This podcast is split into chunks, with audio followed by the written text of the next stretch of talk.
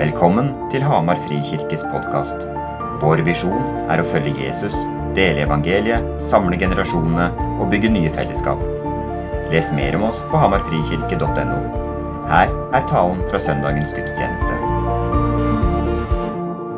Og så er det jo eh, sånn da, Når jeg sa at jeg kan preke en gang i løpet av semesteret, så ble jeg satt opp på en søndag, og så kikka jeg etter hvert hvilken tekst som var satt opp på den søndagen.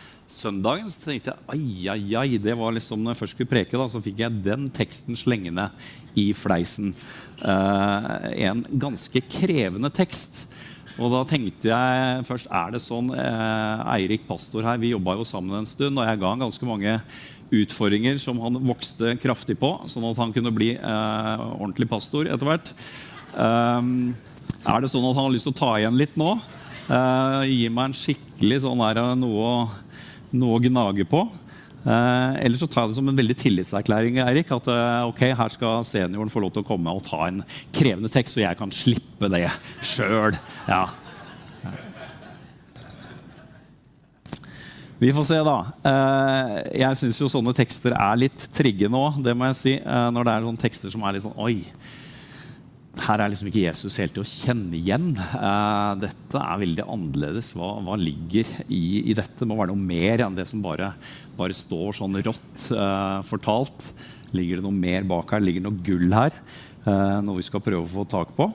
Og det, det, tror jeg, og det håper jeg vi skal få, få litt tak på i dag. Så nå skal vi gyve på denne teksten, som er da dagens tekst, søndagens tekst, fra Matteus 15 vers 21 28. Jesu møte med den kananeiske kvinnen er eh, overskriften eh, på dette. Der står det så dro Jesus derfra og tok veien til områdene omkring Tyros og Sidon.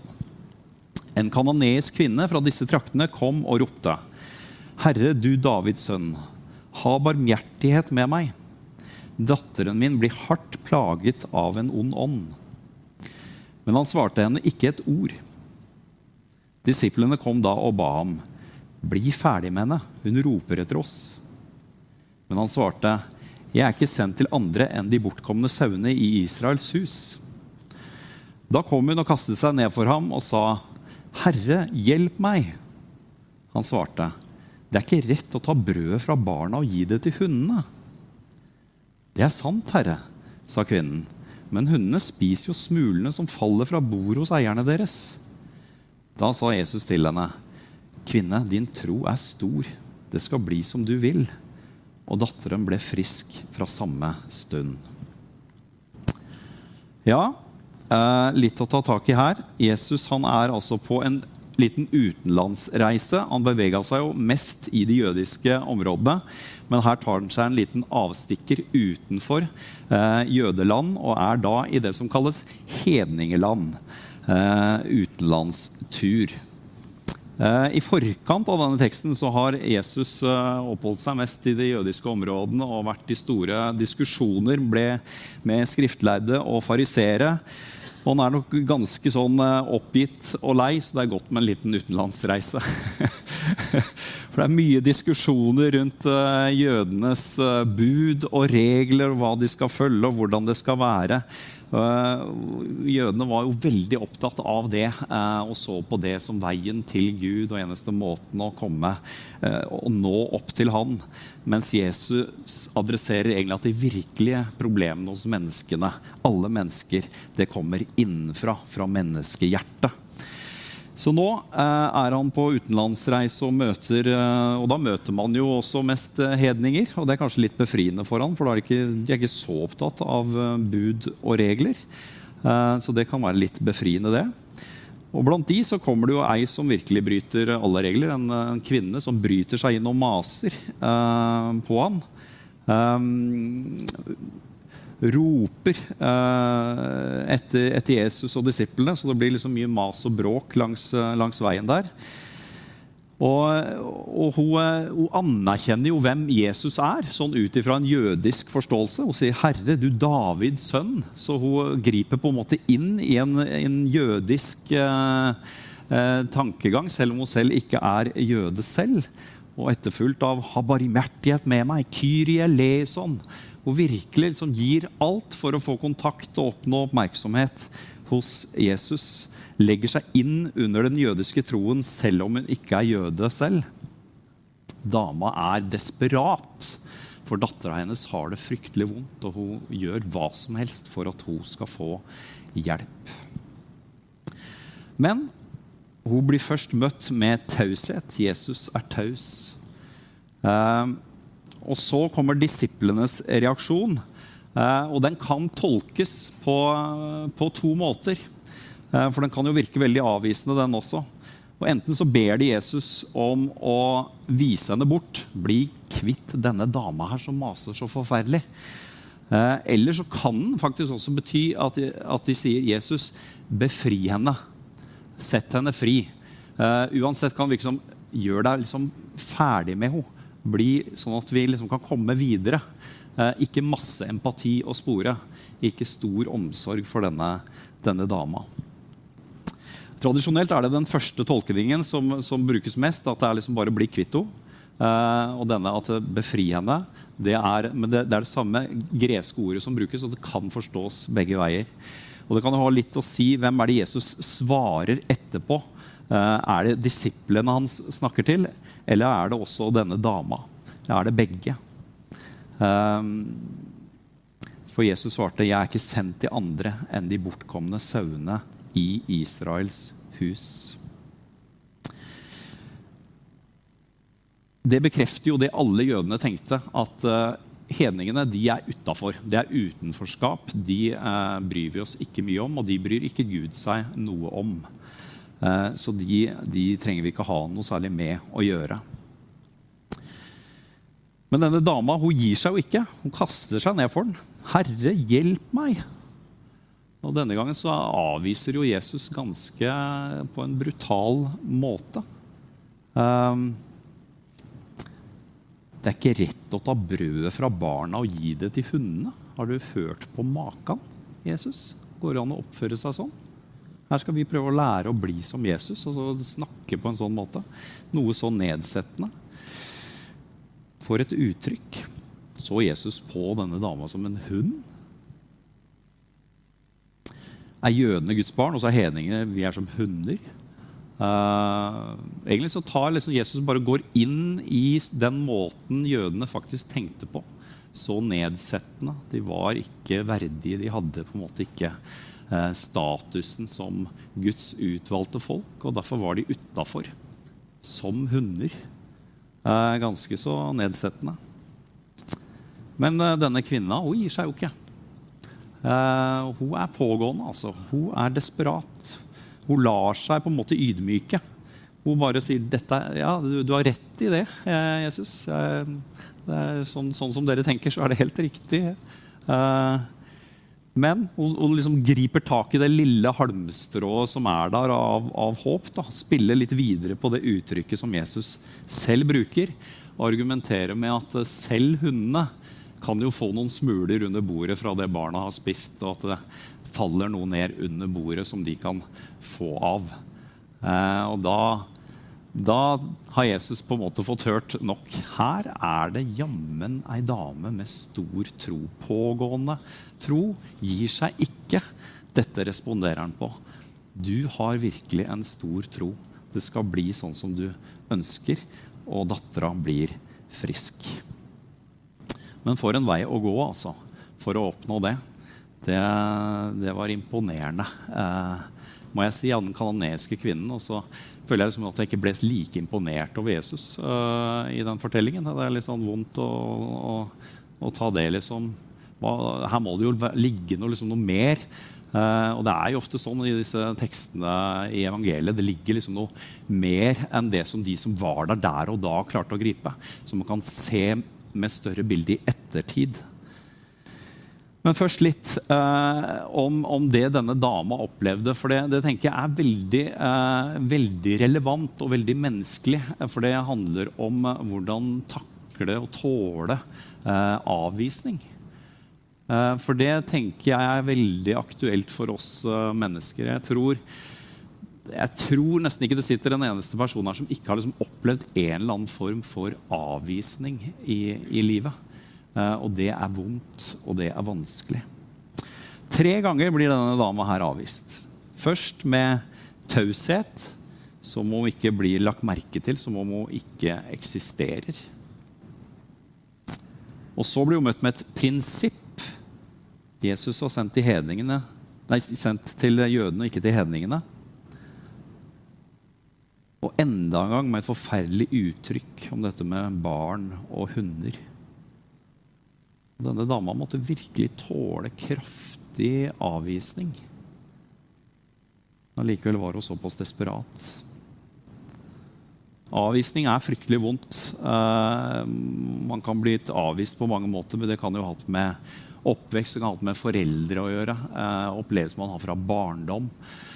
Uh, en stor form for avvisning mange kan ha kjent på i livet, det handler kanskje om kjærlighetssorg. er det noen her som har hatt kjærlighetssorg noen gang? Fint å få masse hender i været på, på det. Jeg skal fortelle, jeg skal fortelle en liten sterk avvisning jeg opplevde i, i, forbindelse med kjærlighetssorg. Og det er faktisk uh, det er liksom sånn jeg kan smile og le litt av nå, for det er såpass lenge siden. Men den gangen så var det blodig alvor. Det var forferdelig brutalt. dette var altså før Jannes tid. Og, og, og da i mine, mine unge år så var jeg da dypt forelsket i en uh, dame og fikk uh, også napp, sånn at vi ble sammen. Uh, og jeg tenkte nå har jeg virkelig skutt gullfuglen, og dette er kvinnen i mitt liv. og satsa alt på dette her. Så var det sånn at hun skulle flytte et godt stykke unna for en periode. så det ble sånn avstandsforhold. Og så hadde jeg bestemt meg for at jeg skulle besøke henne litt sånn uh, utpå høsten. etter at det hadde gått en stund. Og Da skulle jeg være med foreldra hennes på biltur til der hun bodde. Som var en ganske lang reise. Og Jeg så fram til dette og kjempeviken og ble glad i disse foreldrene. Og vi hadde kjempestemning i bilen. og, og reiste av gårde. Og så kom vi bort dit, så merker jeg ganske fort at uh, liksom, det jeg møter, var ikke en så overveldende begeistring som jeg hadde liksom håpa på og regna med. Det var liksom blitt litt sånn avstand i hele forholdet. Og, og merka at her, hva er det som skjer her nå? Så det ble en fryktelig vond og vanskelig weekend. Eh, som endte da med at liksom siste kvelden der og skulle snakke sammen, snakke litt ut om hvordan det sto til, så ender det jo med at det, eh, dette her er jo ikke noe å fortsette med. Eh, jeg tror vi bare får avslutte dette forholdet, og jeg kjenner at jeg blir bare dypt, dypt avvist. Og ikke nok med det, så skal jeg da reise hjem sammen med foreldrene i bilen i mange timer. Tenk dere det. Føler dere litt med meg nå? Ja. Det er den verste bilturen jeg har uh, hatt i mitt liv. Uh, for der satt jeg og kjente på at jeg hadde lyst til å bare tute og grine men syntes det passa seg ikke helt. Uh, og så satt mora ved siden av, og hun tørka tårer og syntes dette var også trist. Så ble det egentlig bare en sånn brutal uh, reise eh, tilbake. Og da jeg endelig kom for meg sjøl, da lot jeg det stå til. Da kom tårer og snørr og hva det måtte være. så da fikk jeg liksom det ut, da. Eh, så, liksom det, så, var det fryktelig vondt uh, å takle og håndtere, og det tok litt tid å komme over det. Uh, det jeg husker, var at det brakte meg faktisk da nærmere Gud. For jeg ble liksom litt sånn desperat etter hva nå, Gud? Jeg trodde jo liksom at du var liksom med på dette her og greier, og at dette var, dette var greia. Men eh, da kom jeg inn i en sånn eh, nærhet til Gud, litt liksom desperasjon til Gud. Eh, søkte Han mye.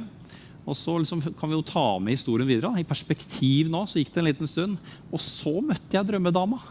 Så var det Janne ikke sant? som eh, var der, og som ikke avviste meg.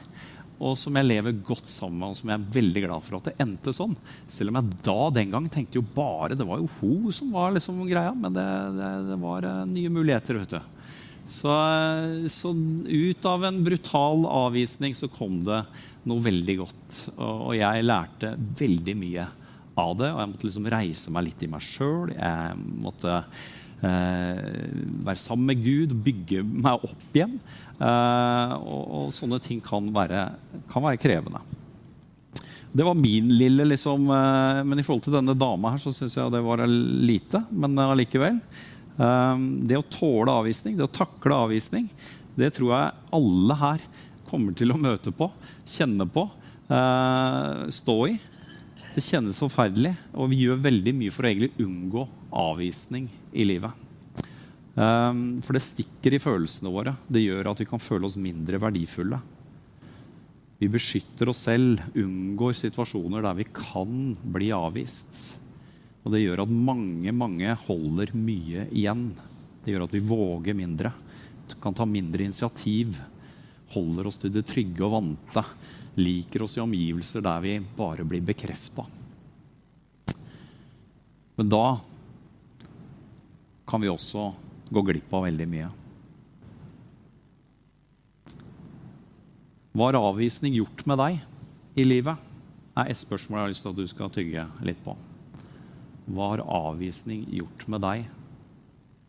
Har det gjort at du har trukket deg tilbake og ikke våger? Er det noe her som trengs egentlig å bearbeides litt, sånn at du kan komme videre? Denne dama kan vi lære mye av. Hun eh, ga seg ikke. Hun hadde liksom ingenting å tape, alt å vinne. Eh, så hun lot det stå til.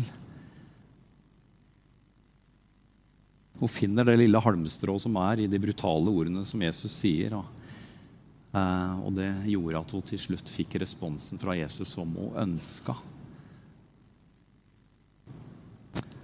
Så tror jeg at eh, denne historien har noe på en måte profetisk over seg. At den peker framover mot noe. Eh, som er kanskje denne tekstens eh, dypeste mening og innhold.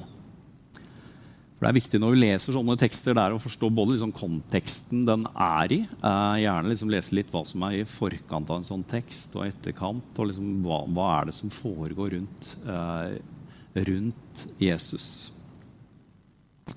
Og så er det å også forstå hensikten med teksten sånn i lys av evangeliet, i lys av korset, i lys av det som kommer senere.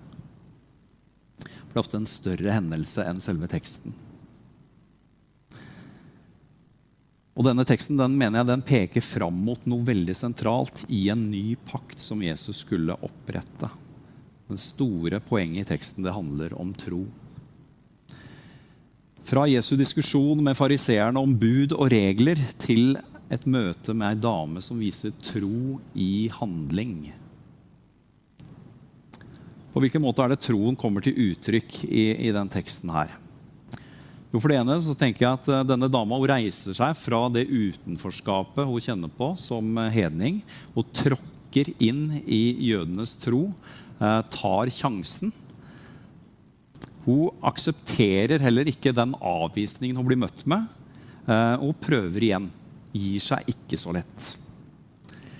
Hun ydmyker seg ved å kaste seg ned for Jesus. Og hun griper tak i det lille halmstrået av håp som hun finner i det Jesus sier. Veldig konkrete sånne handlinger i tro som hun viser i det hun gjør. Og alt dette kan være et forbilde for oss i forhold til tro. Vi kan kjenne på et utenforskap. Allikevel kan vi våge oss inn i varmen istedenfor å bare være ofre eh, og, og, dyrke eh, selvmedlidenheten. Vi kan møte på situasjoner i livet der vi må takle avvisning. Allikevel våge oss å prøve på nytt. Og vi kan ydmyke oss istedenfor å holde på stoltheten, holde på fasaden. For ofte er det jo det avvisningen gjør med oss. Vi mister på en måte ansikt. Vi mister en fasade. Og så får vi lyst til å krype tilbake og sette på oss en maske. I stedet for å bare vise hvem vi er, våge oss på nytt. Og vi kan holde fast ved håpet selv om det ser mørkt ut. Eh, for i troen så handler det også veldig mye om håp. Å holde fast ved et håp også når det er mørkt rundt oss. Alt dette er uttrykk for tro.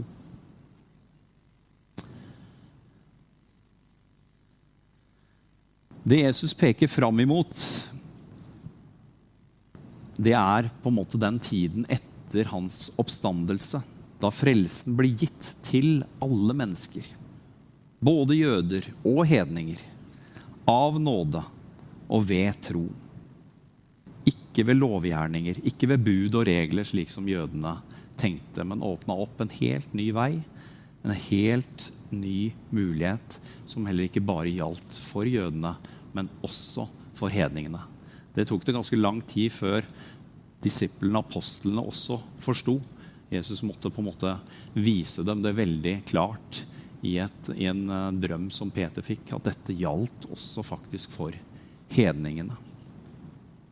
Så innarbeida var det hos jødene i jødisk tankegang. Men i Galaterne 2,16 så skriver Paulus men vi vet at ikke noe menneske blir rettferdiggjort for Gud ved gjerninger som loven krever, bare ved troen på Jesus Kristus. Derfor satte også vi vår lit til Kristus Jesus, så vi skulle bli kjent rettferdige ved troen på Kristus og ikke ved lovgjerninger. For ikke noe menneske blir rettferdig ved lovgjerninger. Å sette sin lit til Kristus Jesus er det uttrykket Paulus bruker om troen her. Det er et uh, godt ord å ta til seg. Å sette sin lit til, å stole på å ha tillit til. Og det tenker jeg er én vesentlig side ved troen. Det handler egentlig om den, liksom den passive siden av troen. Det du mottar, det du bare lener deg på, hviler i, stoler på at det er sant det som er på en måte gjort, det som er utført, det som holder. Det er den troen jeg står på. Det er fundamentet i livet. Det Jesus gjorde en gang for alle på korset, som du og jeg kan stole på, holde for sant, lene oss på, hvile i. En passiv en måte, form for tro som vi mottar. Den blir også omtalt som en gave. Så det er faktisk, om du tenker at jeg vet ikke om jeg tror, så går det an å motta den som en gave fra Gud.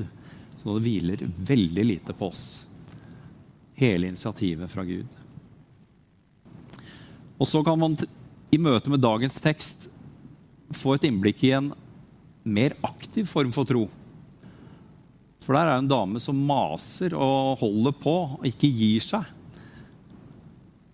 En mye mer aktiv form for tro. Og Det tror jeg også er en side ved troa vår som handler mer om trosvandringen vår.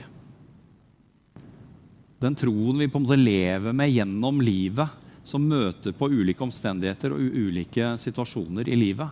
Som skal modnes. Som skal gjøre oss avhengig av Gud, holde oss nær til Han. Det er en tro som blir testa og som blir utfordra. Man får ikke alltid det man ønsker med en gang sånn som man gjerne vil. Gud kan virke taus. Vi kan kjenne oss anfekta, vi kan kjenne oss avvist. Vi kan lure på hva som foregår nå. Hvor er Gud nå? Han var jo så veldig nær for noen år siden. Nå føles det så fjernt. Hva er det han holder på med? Så kan det bli en mer sånn fase hvor vi må på en måte trenge litt på. Eh, mase litt på Gud. Stå i bønn for noe. Ikke se at det skjer noe, kanskje. Svarene virker å utebli. Men så er det da å holde fast på at Gud ser så mye lenger. Gud ser så mye større enn det jeg klarer å se. Han vet hva som tjener til det gode for meg, for mennesker rundt meg. Han ønsker å forme hjertet mitt, gjøre meg mindre egoistisk, selvopptatt.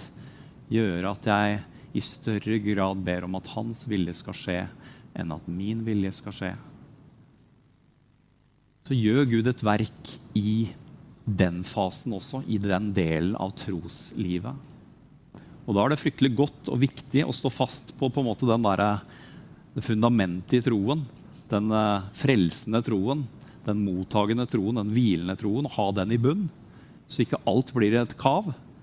Eh, og så ha den aktive troen oppå det i møte med alle livets hendelser. Og, og hva Gud ønsker med oss gjennom livet i ulike faser. En tro som blir testa. Det kan også handle om at Gud ønsker å utfordre oss til å ta noen nye steg. Ta noen nye skritt i livet. Komme oss videre, komme litt ut av komfortsonen. Eh, våge litt mer. Det kan også kjennes kampfullt. Oi, skal jeg våge dette? Er Gud virkelig med? Er det Gud som utfordrer meg på dette, eller er det noe helt andre ting? Det å våge seg ut i en litt sånn ukjent terreng utafor der man er trygg, ut i et terreng der man kanskje kan oppleve å bli avvist. Å være villig til å bli avvist. Tåle det.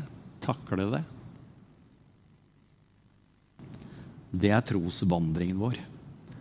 Der Gud lever med oss i vår tro, møter oss der vi er, utfordrer oss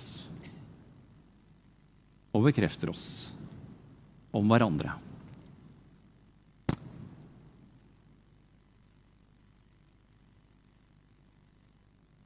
Og I alt dette så tenker jeg at uh, det Gud ønsker, og det Gud ønska å oppnå framfor bud og regler, det var å kunne leve i relasjon med oss mennesker. Det å kunne leve i en relasjon, i en kjærlighetsrelasjon, der han både bekrefter oss, der han vandrer med oss, der han utfordrer oss til å ta noen nye steg, og der han er ikke bare opptatt av meg, men opptatt av min neste. Sånn at hjertet mitt utvider seg til å begynne å se de rundt meg og være en ambassadør for Jesus der jeg er. Det er den vandringen Gud ønsker å ta oss med på. Og Da kan vi la oss inspirere av denne dama i dagens tekst, som, var, eh, som ikke ga seg. Som eh, takla avvisning, tålte det. Eh, gøy på på nytt. Fikk en respons fra Jesus. Og fikk det hun, hun ønska seg, og som også Jesus til slutt egentlig ønska å gjøre. Det er jeg ganske sikker på. At det var det han dypest sett ønska å gjøre. Å oppfylle den bønnen hun hadde. Så tror jeg vi også kan være trygge på at Jesus kommer ikke til å avvise oss på samme måten som denne dama her opplevde å bli avvist. Eh, for dette var før den nye pakt ble oppretta. Eh, før på en måte veien ble åpna for både jøder og hedninger inn til Guds uh, trone, inn til relasjonen med Gud. Sånn at vi trenger ikke være redd for å bli avvist av han. Men vi må kunne takle og tåle at han svarer på ulike måter til ulike tider. Uh, og vet mer enn oss, bedre enn oss. Uh, og bare stole på og holde fast ved at det holder. Til slutt uh, vil jeg lese fra 1. Peters brev 1, vers 7-9.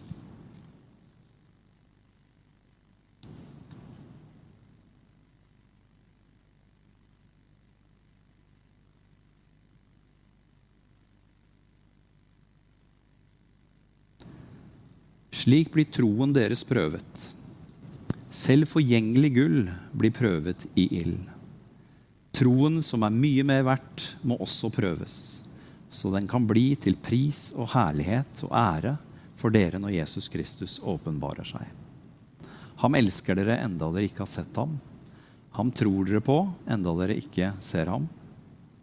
Og dere jubler og er fylt av en glede så herlig at den ikke kan rommes i ord, for dere når troens mål, frelse for deres sjeler.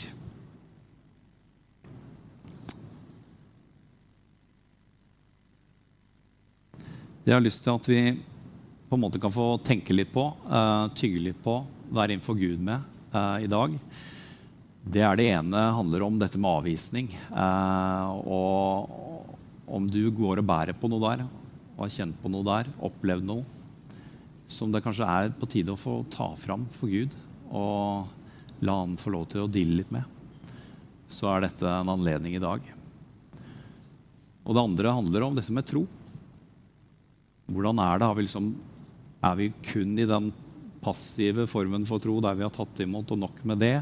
Er vi villige til å være i den der aktive troen, bevegelsen sammen med Gud, hvor han utfordrer oss til å ta noen nye steg, der vi takler å, å bli litt sånn testa, eh, anfekta, og, og, stå i det?